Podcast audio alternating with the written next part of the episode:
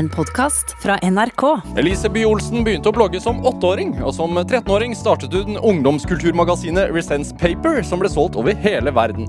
Nå gir hun ut motemagasinet Wallet, der hun bedriver kritisk motejournalistikk. Og hun har akkurat åpnet verdens første uavhengige motebibliotek.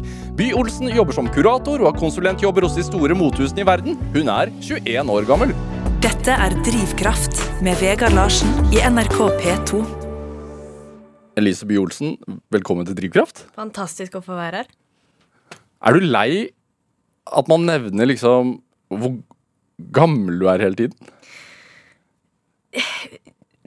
Når jeg, jeg hadde bursdag i, i november, øh, og så har jeg en tendens til å glemme hvor gammel jeg egentlig blir når jeg har bursdag.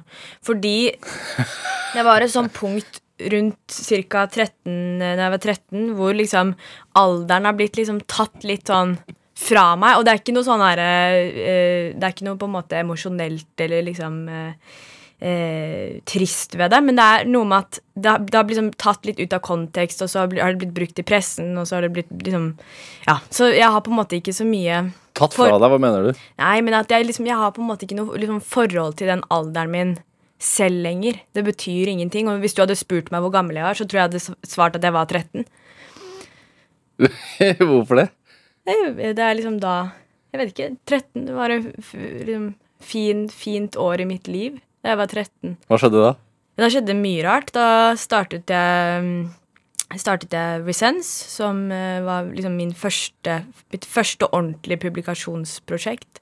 Og, det, og når man sier sånn altså, Jeg må bare forklare dette, her, fordi det er jo radio. Det, når man sier sånn du startet Resense som 13-åring, så tenker man sånn Unnskyld, altså, men da tenker man at man har kopiert Altså brukt en kopimaskin og lagd en Lagd noe Ja. i, i klasserommet, holdt jeg på å si. Men det, det, det er et ordentlig magasin. Ja, det, det startet Det er litt gøy med starten, fordi det er en førsteutgave av Resence som ingen har sett. Eller sånn egentlig. Før, aller første nummer av, av uh, Resence, det var laget på Word, brukt, altså programmet Word på datamaskin. Og det ble trykt i 1000 eksemplarer. Og jeg hadde brukt mine konfirmasjonspenger til å finansiere trykken. Ehm, bildene var pikselerte, logoen var pikselert. Det var selvfølgelig på engelsk, for jeg hadde jo en internasjonal ambisjon, men det var masse skrivefeil.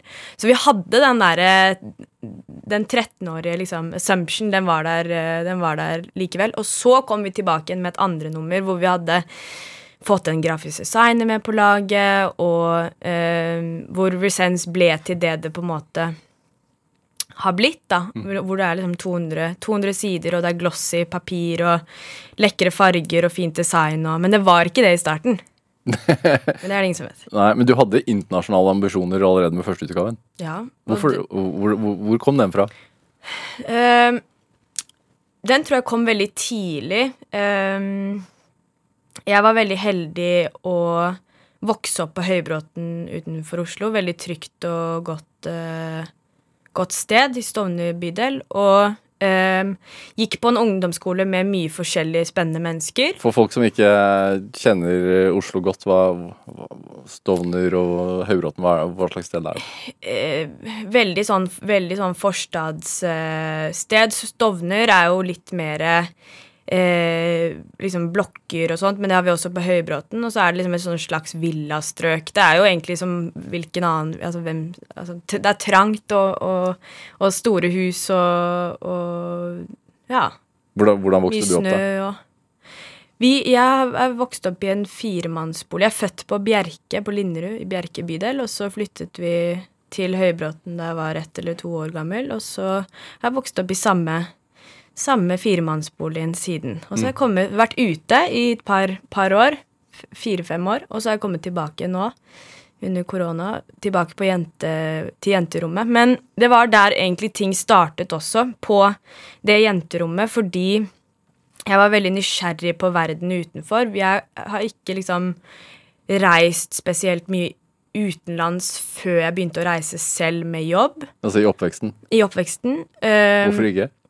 Vi var på norgesferier og, og koste oss med det. Og, men jeg hadde jo på en måte en opplevelse av at det var veldig mange eh, mange i min klasse som var ute på liksom, Hellas og på sommerferie og ute og reise og London og storbyer og sånne ting. Og det fikk jeg oppleve etter hvert, og det har jeg fått, eh, har jeg fått nok av eh, siden også. Eh, men det var en sånn nysgjerrighet på alt som på en måte var utenfor og annerledes, og som jeg ikke helt hadde eh, muligheten til å liksom ta på, da. Mm. Um, og jeg fikk veldig tidlig såkalte internettvenner um, på sosiale medier. Facebook. Jeg kom veldig tidlig på Facebook. Jeg tror det er en aldersgrense på Facebook, men jeg var der i hvert fall før. Um, og Instagram uh, da det kom, og ble kjent med veldig mye mennesker utenfor Norge og på tvers av landegrenser. Andre unge, ambisiøse mennesker som eh, Og på den tiden så hadde jeg en blogg, og de unge menneskene hadde også en blogg. Eh, og så ble vi liksom connecta eh, med en sånn felles ambisjon om å skape et, sånt, et miljø, da, og det miljøet som vi ønsket å ha for unge bloggere innenfor liksom, kultur og mote og musikk og, og kreative kreative liksom, industrier. Det var ikke en industri på den tiden, det var mer en uttrykksform. Mm. Um, Men da var du jo åtte-ni år gammel. Mm. Jeg lærte meg å skrive på den bloggen. Det er jo, Når man er åtte, så er det jo liksom det er, Man kan jo knapt skrive, tror jeg, når man er åtte år. Ja, man kan i hvert fall ikke så veldig Altså, man veit knapt hva ordet ambisjon betyr. Ja. Men, det, men ja, og der var det jo liksom Bloggen var jo altså Det her var jo liksom i 2007-2008, et eller annet sånt.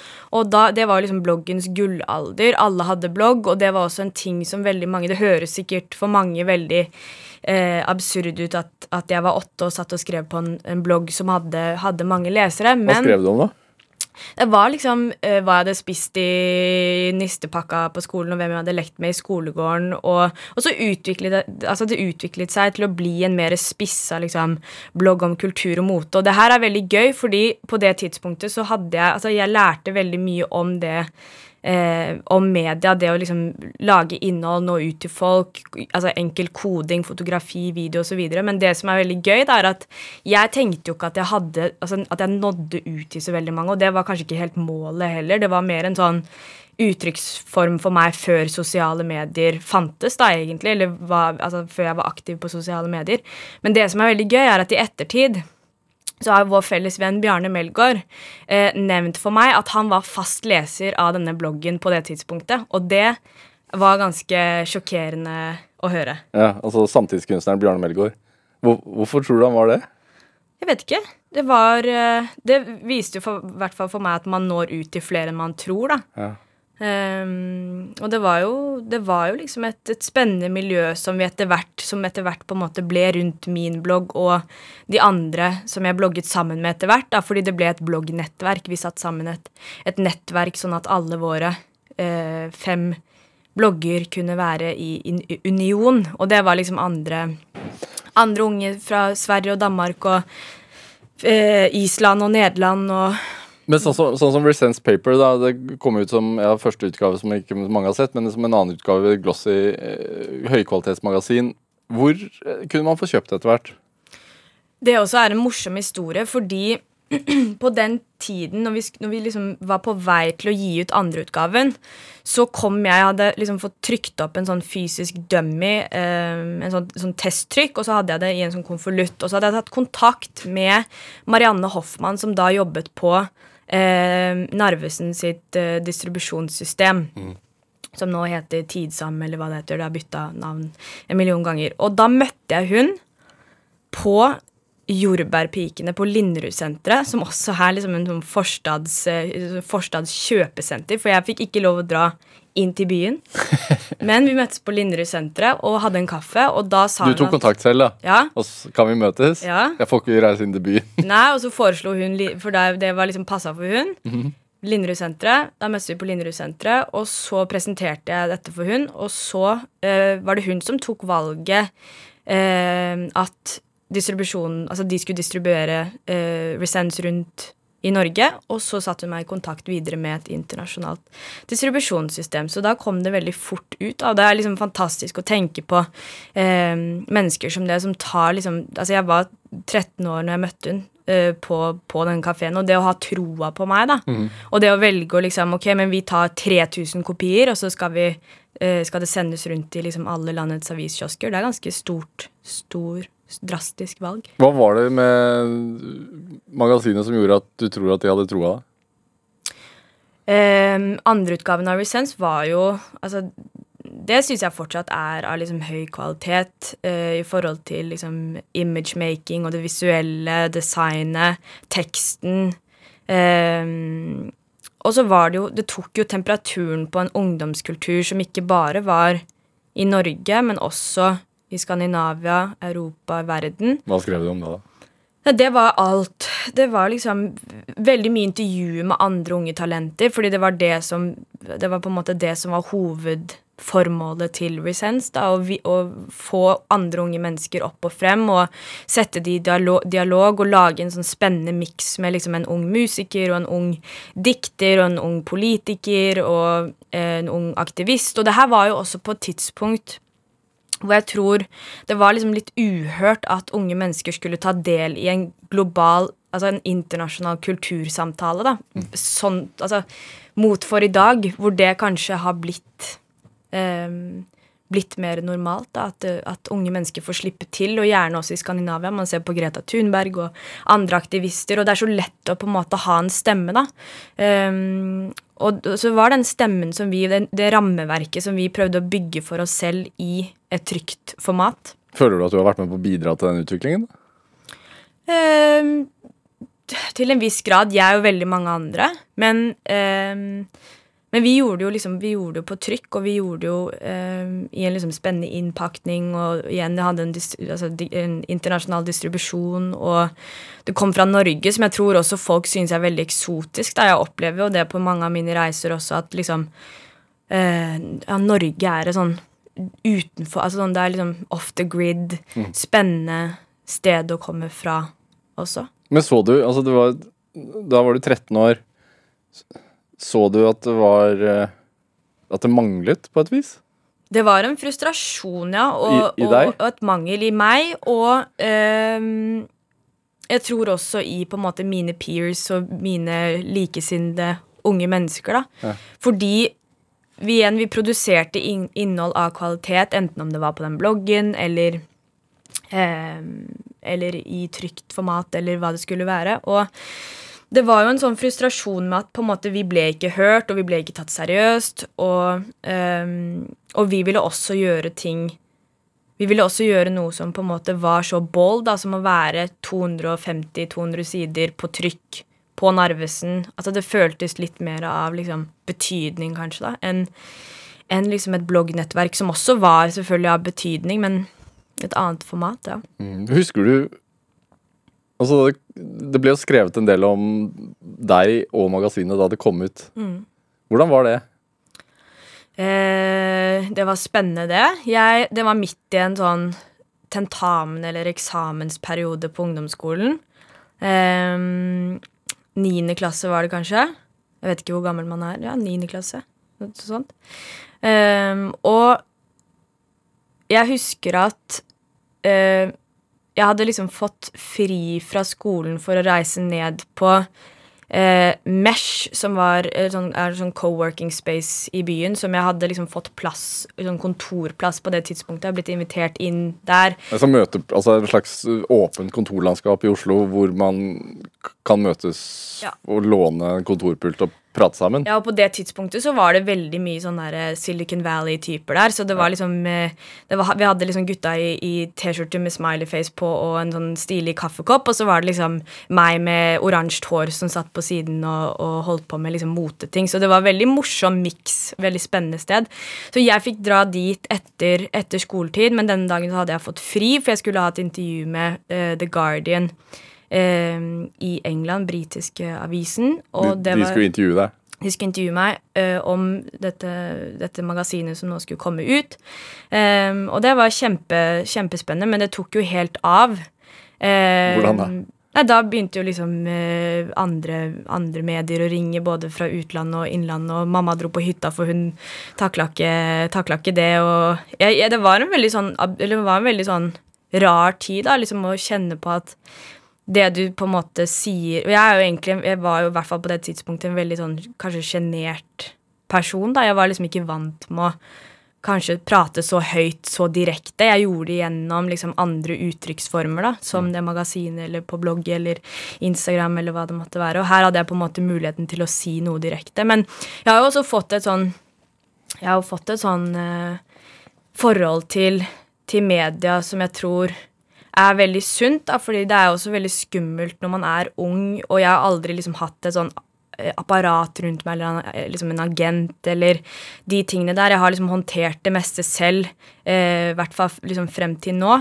Um, og det har vært veldig viktig at jeg skal kun liksom gjøre sånne type intervjuer og sånne type ting når jeg har noe å si. Mm. Og man glemmer jo ofte at man må jo altså Man kan ikke bare prate om jobben, man må også gå og gjøre jobben. Man må også jobbe hardt med, med det man holder på med, for å ha noe etter hvert prate om. da. Hvorfor tror du du fikk så mye oppmerksomhet? da?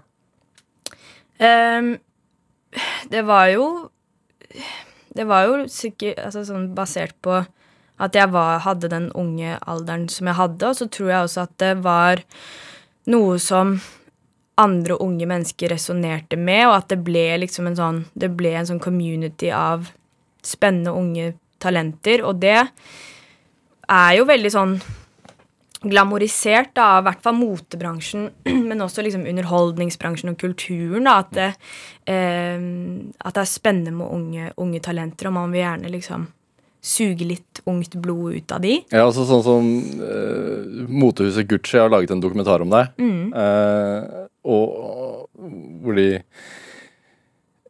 en flott eh, estetisk dokumentar med, med din fortellerstemme oppå, og, og, der sier du noe sånn som Jeg husker ikke helt ordet, ja, men det er noe sånn som gråhåra folk skriver blanke sjekker til sånne som, som meg, for å føle seg relevant igjen. Mm. Mm. Og det er jo også, det, er jo også liksom det sjiktet der, da. At det startet Når jeg startet, så var det liksom helt igjen uhørt at unge mennesker skulle ha noe som helst å si i kulturen. Mens nå er det kanskje mer en sånn eh, exploitation, hva heter det på norsk? Eh, Utnyttelse. Ut, ja. Utnyttelse av unge mennesker og liksom deres talenter og det de brenner for, og deres relevans og deres nettverk. Og man ser det på sosiale medier og, og motehusene, og ikke bare motehusene, men nesten alle firma prøver å forstå seg på denne unge, nye målgruppen og denne unge, liksom, den, den nye generasjonen. Mm som nå kommer opp og frem, da, som kanskje for mange er veldig vanskelig å forstå seg på, fordi det er en veldig Kanskje en mer kompleks generasjon enn tidligere. Eller vi har i hvert fall hatt en mer kompleks barndom, vil jeg kanskje påstå å si. Vel, jeg, har ikke, jeg ikke, har ikke vokst opp på 70-tallet også, så jeg kan ikke noe sammenligne med, men jeg regner med at det er ganske mange elementer i en, i en ung person i dags barndom da, som gjør at det er veldig, ja, det er veldig sammensatt. Ja, hva tenker du om det nå, nå, som du har blitt voksen, holdt jeg på å si, at, eh, at, som, altså at man som 13-åring vekker eh, oppmerksomhet og, og, blir liksom i søkelyset til store, store merkevarer? For meg så handlet det bare For meg var det helt, uh, helt uinteressant med alder. Da. Og det er det jeg mente i starten også, at for meg så har liksom, det, ikke, det har ikke vært der fokuset mitt har ligget, selvfølgelig. Jeg kan mm. ikke noe for at jeg er 13 år og, mm. og holder på med det jeg holder på med. Jeg hadde liksom en, en ambisjon om å, om å, starte dette magasinet, og følte også at kvaliteten på det levde opp til eh, altså bransjestandard, da. Vanlig standard, holdt jeg på å si. Voksen standard. Og det var en veldig voksen, og det er en veldig voksendominert bransje, som nå kanskje velger jeg å tro, da, har begynt å høre litt mer på på unge, unge stemmer også. Dette er Drivkraft med Vegard Larsen i NRK P2. Og i dag er eh, redaktør, kurator, konsulent, foreleser, arkivar Elise Bye Olsen eh, her hos meg i Drivkraft. Hva, du, hva, definerer du deg selv som, eller beskriver du deg selv som? Uh, fellesnevneren for alle de der, da, ja. er jo kanskje noe sånn som entreprenør eller gründer eller Ikke gründer, jeg liker ikke det ordet, men entreprenør, kanskje, da. Fordi det er jo det, er jo det jeg holder på med. Jeg liker å eh, Altså, det er jo Jeg har jo en veldig interesse for liksom det administrative og liksom business-biten, organis organiseringsbiten og liksom eh, Det å sette gode folk sammen og, og den lederskapsbiten, det er det som interesserer meg, da, og, og om det på en måte Om det tar form som et magasin eller en film eller En utstilling. en utstilling eller noe som er helt, eh, helt eh, ikke relevant for liksom mote og kunst og, og kultur. Om det er noe helt annet, så, så ja. Om det er et restaurant eller Jeg vet ikke. Mm. I fjor så kuraterte du bl.a. utstilling med Bjarne Melgaard, da, som vi har nevnt, og også Vestlandsutstillingen 2020 med masse kunstnere. Um, men, men øh, Og så har du åpna motebibliotek. Eh, altså den digitale delen er åpnet. Digitale institusjonene er åpnet. Ja. Hva, hva er dette her for noe? Um, International Library of Fashion Research, eh, Som det heter. som det heter, eh, åpnet i oktober for tre måneder siden. Mm. Kan det være det? Jeg er fortsatt helt eh, Helt slått ut etter den lanseringen der. Det var, eh, tok helt av, og, og utrolig overveldende å merke den responsen som vi har fått både fra offentligheten og presse, både i Norge og interna altså internasjonalt. Og vi merker, jeg merker at dette er noe folk trenger, da. Og også noe som er veldig relevant i den tiden vi lever i. Hvorfor tror du man trenger det? Um, det går litt tilbake til um, Ja, et år tilbake i tid.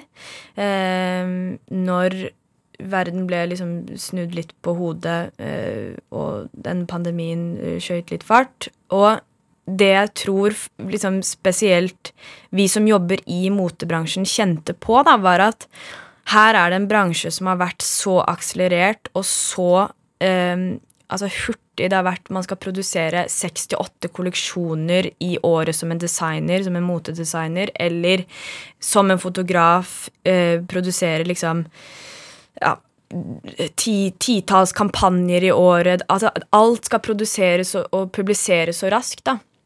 Um, og det er en veldig sånn intens fart i den, i den bransjen som vi har jobbet i. Og så setter denne pandemien alt litt på pause og setter alt i en sånn standstill, som var eh, veldig interessant å oppleve, fordi da måtte liksom alle designerne, motehusene, eh, forlagene eh, gå litt tilbake igjen til sine egne arkiver. Her hadde man ikke muligheten til å produsere noe nytt eller publisere noe nytt, eller liksom lage en, en, en ny kampanje som skal henge i to dager på en billboard, eller leve i ca. halvannen time på en nettside.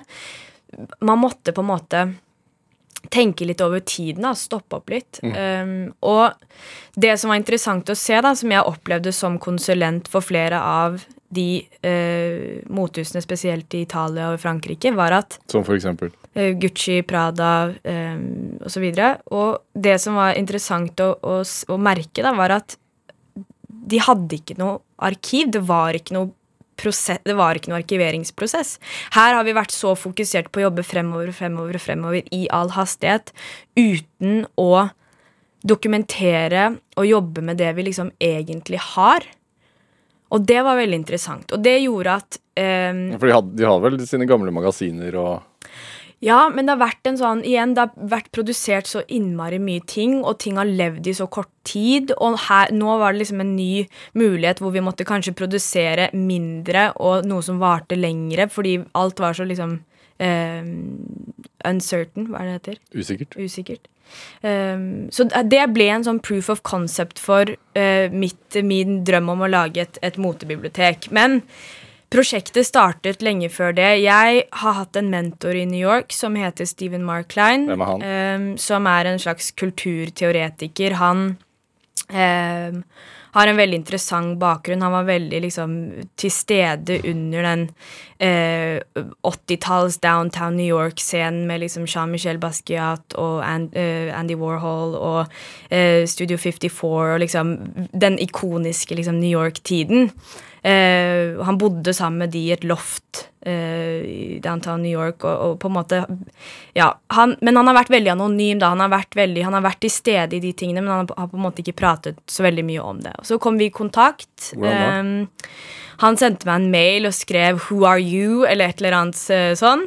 Og så kom vi i kontakt, eh, og vi har hatt en en, liksom en pågående dialog gjennom hans Han har en sånn landline, eh, sånn stasjonær telefon, holdt jeg på å si. Sånn hjemmetelefon. Nesten sånn, bur sånn burner-telefon.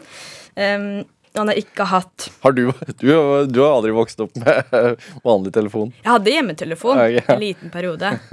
Jeg vet, jeg vet hva det er. Men han hadde oppdaget deg gjennom uh, Resents Paper, altså magasinet ditt, antageligvis. Ja, og Instagram og, og kanskje lest, lest litt om meg og sånne ting. Og så tok han kontakt, og um, han har jo Ja, han har liksom vært til stede i en sånn periode i, igjen på 80-tallet og 90-tallet i New York og levd gjennom en tid som for meg er veldig sånn for, for det første helt ukjent, men som jeg ser på med et eller annet sånn nostalgisk blikk, selv om jeg ikke var født.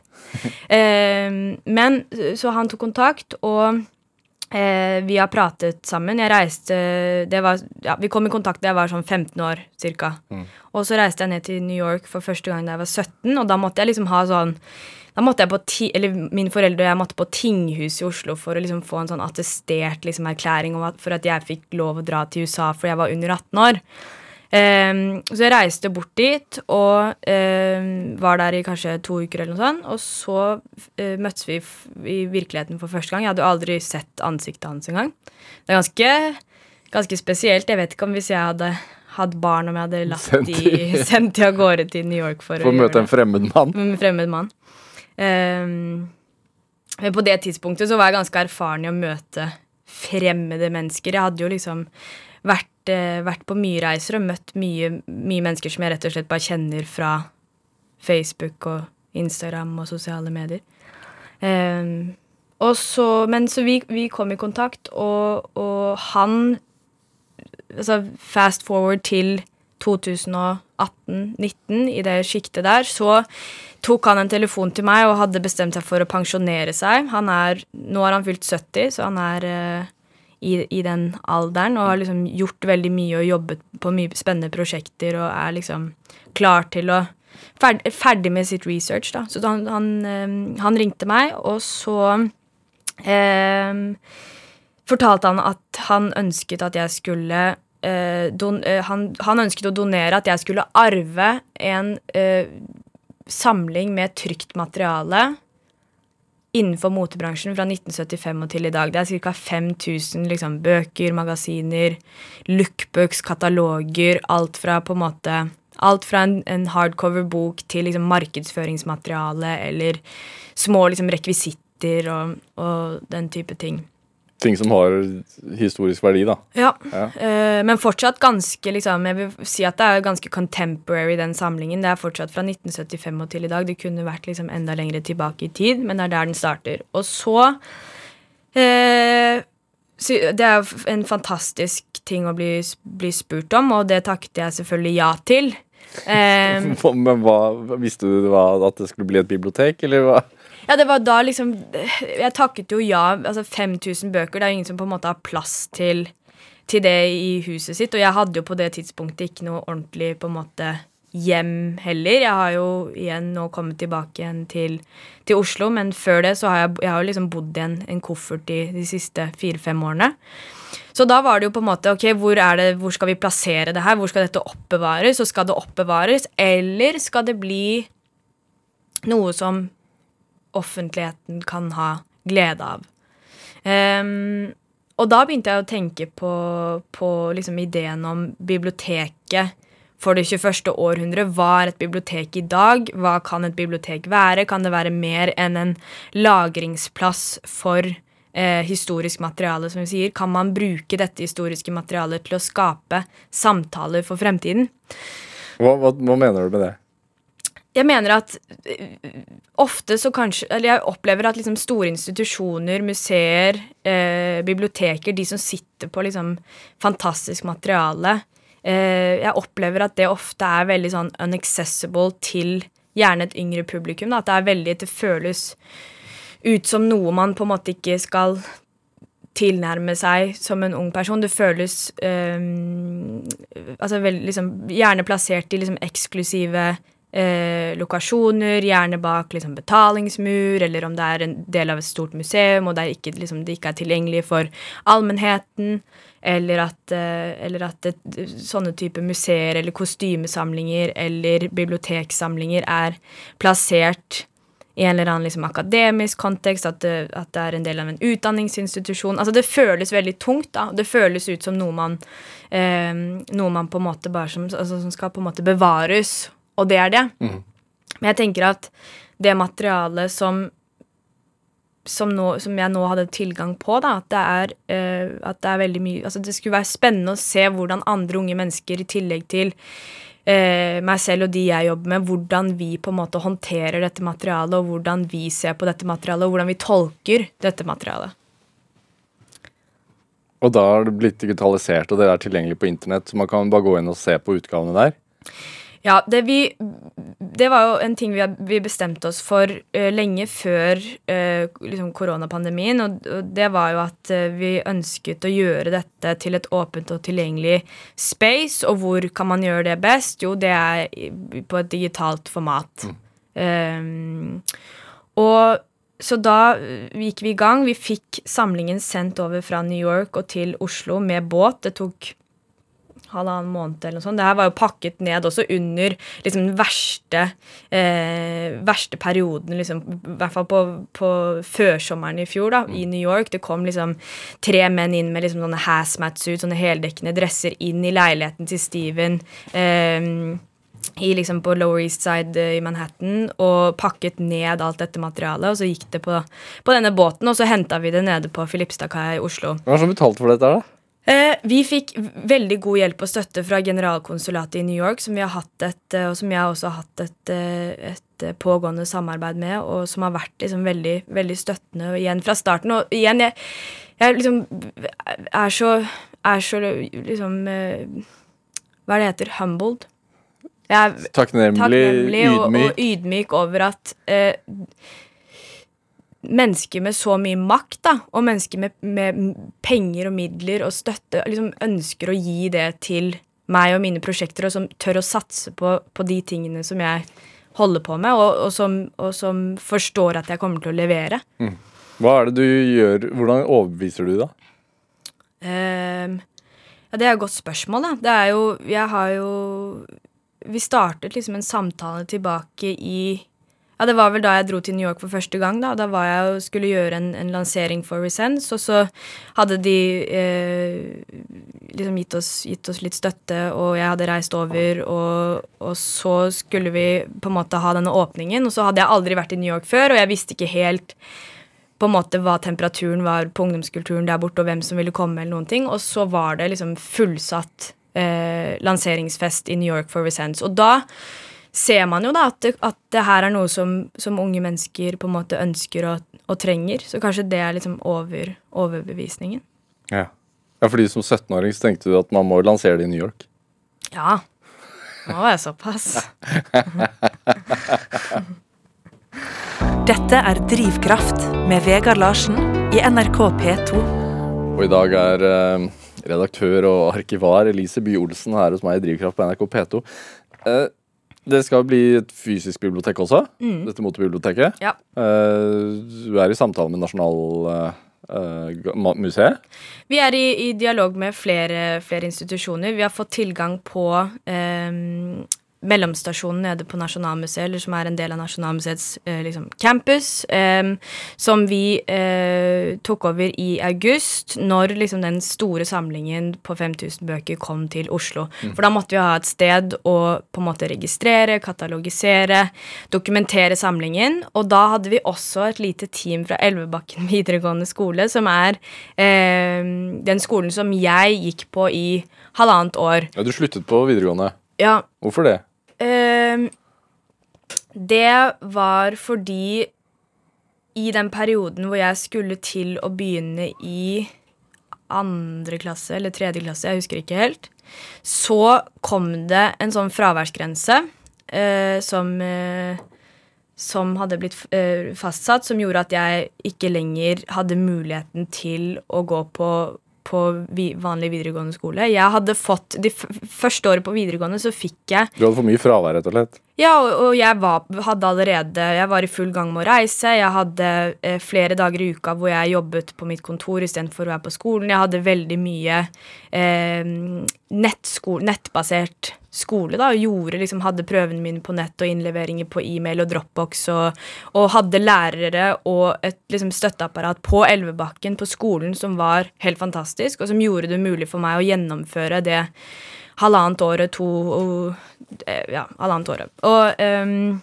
men så kom den fraværsgrensen, og det var på en måte litt utenfor alles, uh, alles mandat. Uh, og da i, altså, det, var ikke, det, var ikke, mulig for meg å gjennomføre det da, med den, den, hverdagen som jeg hadde lagt opp til. Og jeg har jo hele tiden altså For meg har det vært veldig viktig at for også på ungdomsskolen, når jeg liksom akkurat hadde begynt å reise, da, så husker jeg at jeg, at jeg var liksom innom på rektors kontor og spurte om jeg kunne få lov til å dra ned til eh, København på Fashion Week, eller Paris på Fashion Week, eller London. Um, og mitt argument da var jo at ok, men hvis man er fotballspiller eller uh, skiløper, da, så får man, da får man fri til å dra på stevner og, og fotballcup og uh, norgesmesterskap og sånne ting. Og det her var jo på en måte mitt verdensmesterskap. Det her var på en måte min, min altså sånn hjemmebane. da. Det her var mhm. liksom min visningsmulighet uh, for å vise meg frem. Og da fikk jeg, fikk jeg lov, da til å reise ned på nattbussen åtte timer til København og sånt. Hvorfor ble det mote? Uh, det er liksom egentlig Jeg tror det var liksom egentlig litt tilfeldig eh, Altså, min interesse, som jeg sa i stad, handler liksom om den entreprenørskapsbiten og det å starte opp noe og det å skape noe. Og sette eh, interessante mennesker sammen. Og så om det på en måte tar form i, altså som mote, kunst, musikk, arkitektur, noe helt annet. Det, det, er på en måte Det er liksom ikke det som spiller noen rolle. Men, mm. men hva betyr trend for deg, da? Eh, det har jeg egentlig ikke så mye forhold til. Jeg kjenner liksom at det er veldig sånn Og i hvert fall nå med det motebiblioteket, da, så er det veldig interessant å liksom tracke ned eh, ja, ulike trender som har vært, eller ulike faser av mote, motehistorien og mote, motebransjen, og hvordan ting har på en måte blitt gjort og eh, hvilke formater som har blitt brukt, og hvilke farger og design som har blitt brukt. Og, så man får jo på en måte en sånn forståelse av det, men det er ikke noe jeg på en måte tenker på eller kanskje er så veldig interessert i eh, nå, da, til enhver tid. Nei. Hva er det som er interessant nå, da? Definisjonsmakt? Eh, jeg, tr jeg, tror liksom på at, at istedenfor å liksom bestemme en trend og liksom fastsette en trend, og at én person eller flere personer skal bestemme eh, eller definere en trend, da, så handler det mye mer om den kollektive biten. At det er, liksom, at det er en samtale, og at ting blir til i den samtalen da, som, som skjer. Og, og, nå så tror jeg den er Altså før så var den kanskje eh, jeg vil tørre å si så overfladisk at det, at det kun handlet om liksom hvilke eh, trender som var inn det året, eller eh, sånne type ting. Men nå så er det Det går så sykt mye mer i dybden. Mote er så connecta med alle andre kulturfelt. Musikk igjen, arkitektur, kunst. Eh, og ting henger veldig sammen, men også utenfor liksom kulturbanene, også liksom i, i, offentligheten, i underholdning, i politikk. Altså det, så, det, så, det, knytter så veldig mange felt sammen, da. og det er det som er så spennende. Jeg syns det er interessant, fordi det, så, i, i, 2019 så holdt du jo um, avgangs... Uh, eksamenstalen på, på, en skole, altså designskole i Barcelona. Mm gått ett år på videregående i Oslo? det har vært veldig morsomt siden starten at jeg, at jeg ikke har uh, artium selv, men har blitt invitert uh, ned til Barcelona eller til London eller Paris eller Milano og for å undervise på liksom, uh, universiteter og høyere utdanning. Og det er jo også en, et ansvar som jeg igjen er veldig ydmyk for. Jeg har veldig respekt for um, liksom det å, å, forelese og det å lære bort ting. Og for meg så føler jeg også at jeg kan ikke stå liksom med en sånn, eh, sånn pinne og, og, peke på en tavle og eh, gjøre en sånn liksom keynote-type forelesning. For meg så handler det igjen mye mer om den dialogen med studentene, og som gjerne ofte, ofte nå er eldre enn meg, da. Eh, og at det er en sånn eh, At det er en sånn sparre en sånn øvelse i å liksom sparre ideer og tanker og meninger om ting, og, og at, det, ja, at ting blir til i, i den dialogen. Og det er veldig spennende. Hva forteller du om på de forelesningene? Din, I- din reise?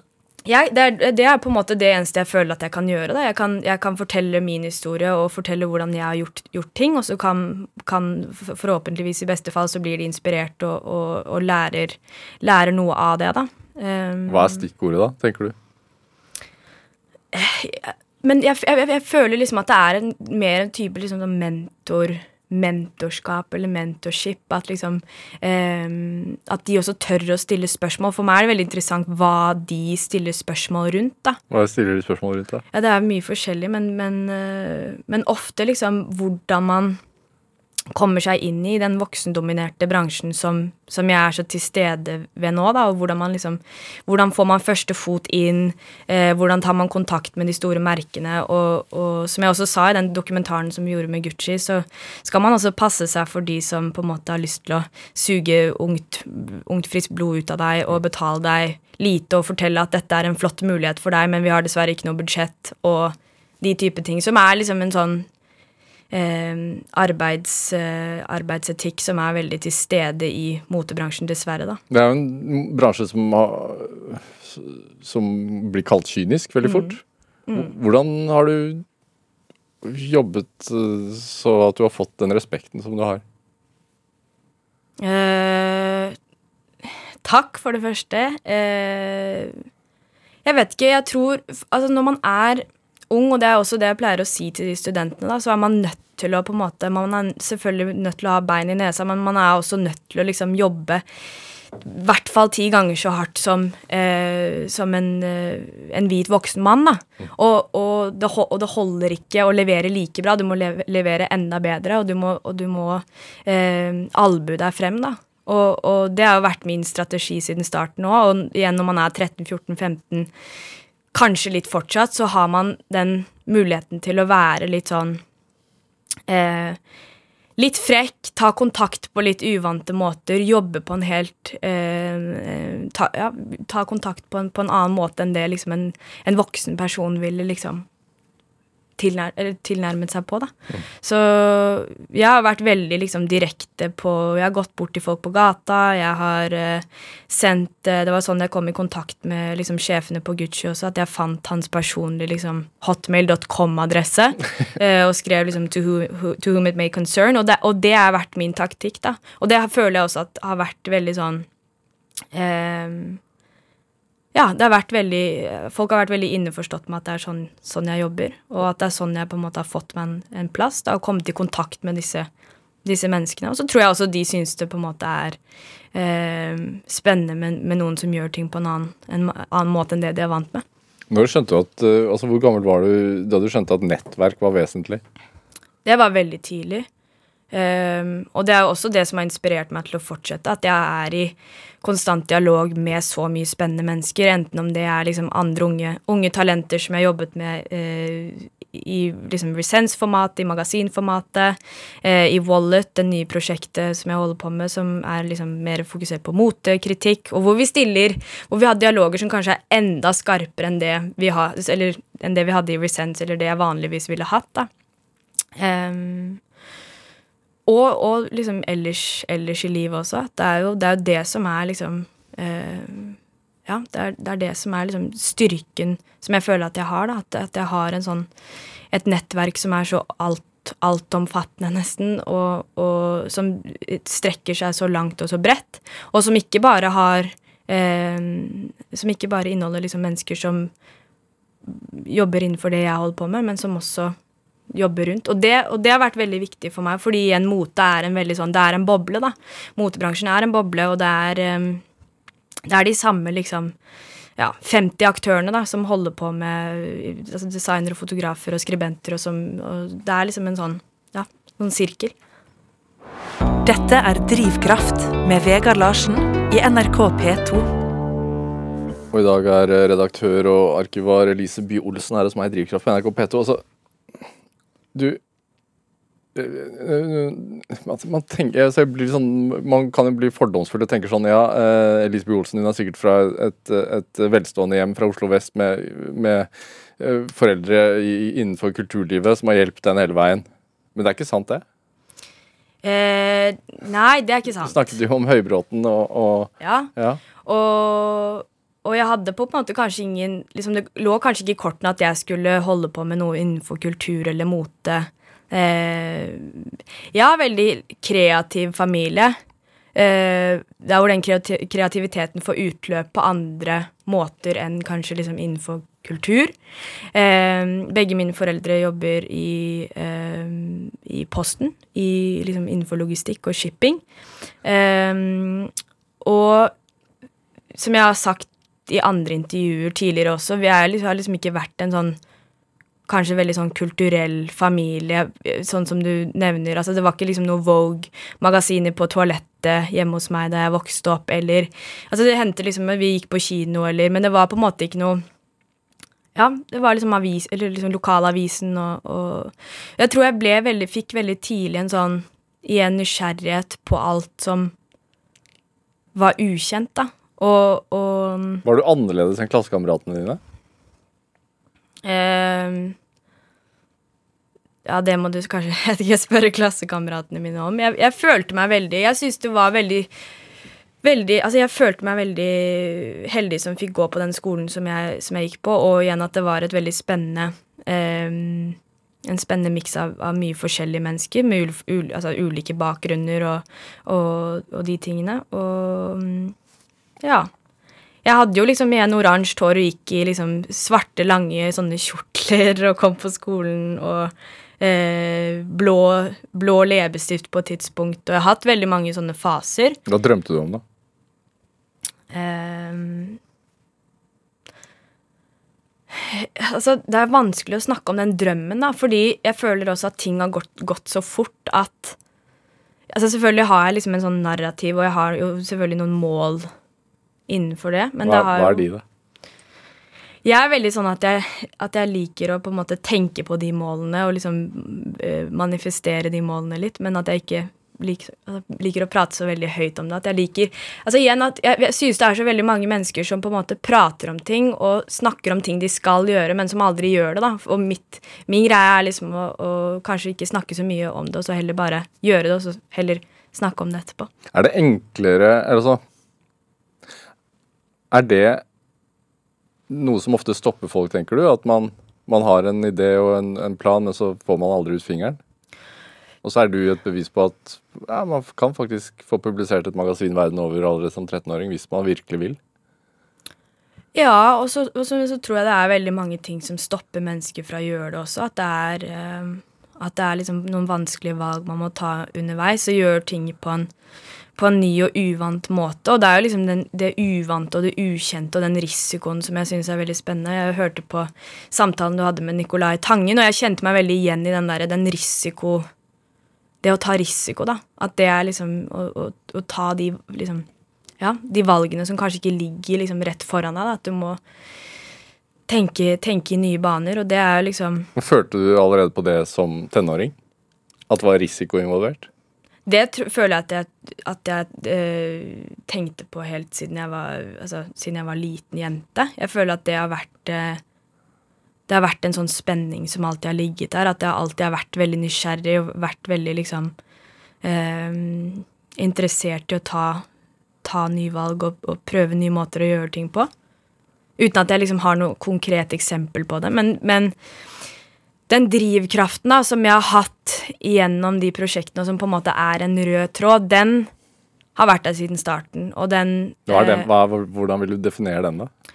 Ja, det tenkte jeg litt på i går, da, men øh, det er, det er van, va, veldig vanskelig, fordi den har på en måte alt igjen, jeg, Den har alltid vært der. Det er ikke noe som skjedde fra en dag til en annen. Det har vært en sånn skaperglede og en sånn skaperkraft og eh, som liksom alltid har, har, ligget der. Og igjen, for meg så er det veldig viktig å snakke om den perioden hvor da jeg var åtte og, og hadde denne bloggen og liksom eh, lærte meg liksom mye ting innenfor media, fikk en sånn mersmak innenfor media, men også enda før det òg, at i barndommen så fikk jeg muligheten til å uh, liksom bruke mitt jenterom til å Altså, det ble jo liksom transformert til så mye forskjellige ting. Det var liksom en restaurant den ene dagen, og tannlege den andre dagen, og frisørsalong den andre dagen. Og vi brukte liksom det jeg hadde, og lagde sånn her PC med pizzaeske, og, og liksom Og det å kunne være en liten jente og på en måte utforske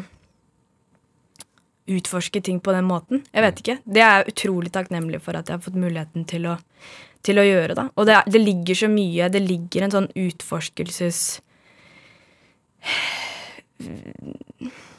glede når man, altså når man er så ung, og jeg ser det også, jeg har liksom tre tantebarn også, og det er så spennende å se, da.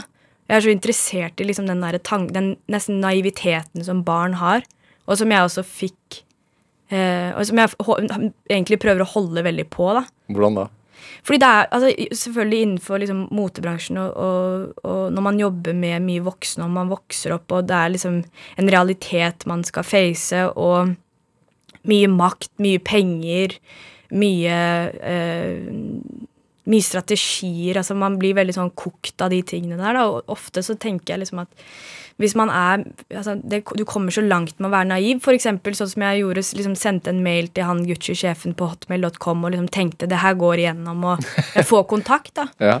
Og den, og den, um, den naiviteten der har vært, har vært veldig spennende. Men den, hvis jeg skal kunne liksom beskrive igjen den, den drivkraften, da, så tror jeg det handler veldig mye om en sånn indre intuisjon. At det liksom at um, Det er ikke noe som er konkret, men det er bare en sånn en magefølelse liksom, som har drevet meg gjennom, og som alltid på en måte, Den er, den er det alltid. da. Og når jeg har vært liksom i Tokyo alene som 15-åring og går rundt i gatene der, så vet jeg alltid at det er liksom min indre forankring. da.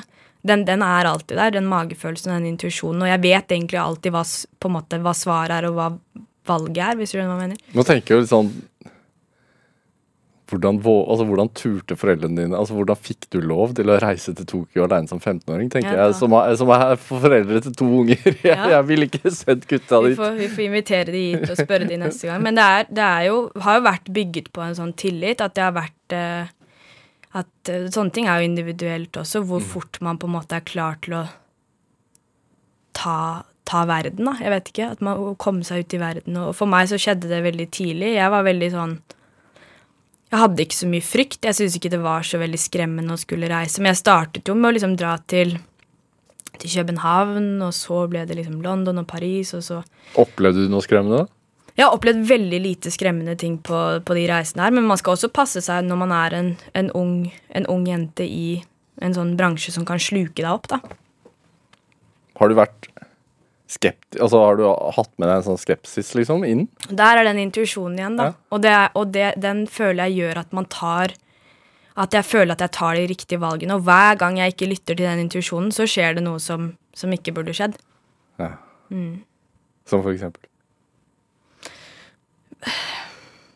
Det kan jo være liksom at man trår inn i et feil samarbeid med en feil Altså sånn på en profesjonell, profesjonelt nivå, da. At man At man øh, Eller at man gjør noe som i frykt for å på en måte miste en relevans, eller i frykt for et eller annet. At man, at man tar veldig mange feil valg, eller det er veldig lett å ta mye feil valg, da.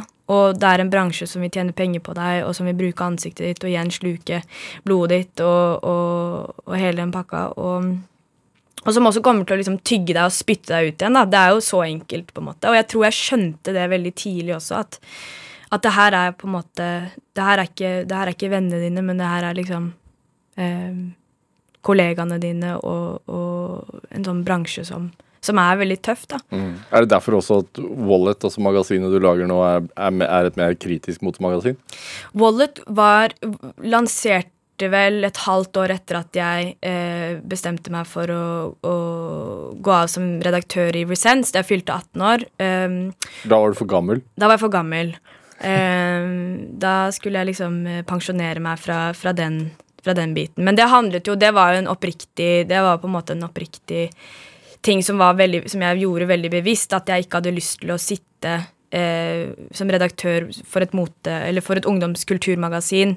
Eh, når jeg ikke lenger på en måte var en ungdom per definisjon, da jeg følte at jeg ikke kunne representere den, den kulturen. Men eh, Wallet var Altså, jeg hadde jobbet i en Mary Sense i fire-fem år og møtt veldig mye mennesker som jeg syntes var utrolig skumle og ydmykende og eh, strenge, og opplevd eh, igjen det å bli eh, utnytta, eller i hvert fall på liksom grensa til å bli utnytta av liksom de store firmaene med mye penger. Og, og igjen og Jeg har liksom opplevd de tingene så hands on da, i fire-fem år at det var liksom helt naturlig å gå over til å lage en, en publikasjon som tok for seg det. Eh, den den business-biten, politikkbiten, pengebiten av motebransjen, da, som man ofte ikke snakker om. Elise Bjørn Olsen, eh, en time går fort. Hva hva, hva, tenker du er drivkraften din nå videre?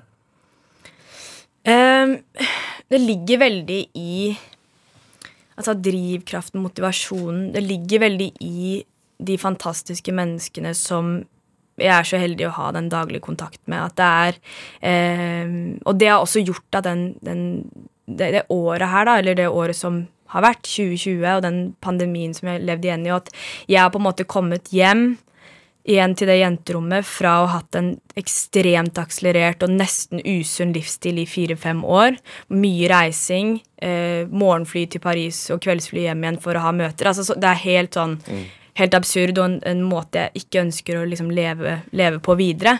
Um, men jeg tenker jo at, uh, at uh, de, de, samt, de, gode samtalene og de gode menneskene som man, man har, og spennende mennesker, og, og mennesker som gjør noe helt annet enn det, enn det, du holder på med. Da. Den kontakten der og, og, og den dialogen der, den, den, eh, den, har gjort at jeg har kommet meg gjennom dette året. Og da kommer det vel Eller da kommer jeg meg vel gjennom neste år også, tenker jeg. Og det er i de samtalene nye spennende ting oppstår, kanskje? Der er det veldig mye spennende ting som oppstår. Elisabeth Olsen, tusen takk for at du kom hit til Drivkraft. Takk, Vegard. Hør flere samtaler i Drivkraft på NRK på nett, eller last oss ned som podkast. Send oss også gjerne ris og ros og tips til mennesker du mener har drivkraft. Send den e-posten til drivkraft.krøllalfa.nrk.no. Produsent og researcher i dag var Ellen Foss Sørensen. Jeg heter Vega Larsen. Vi høres.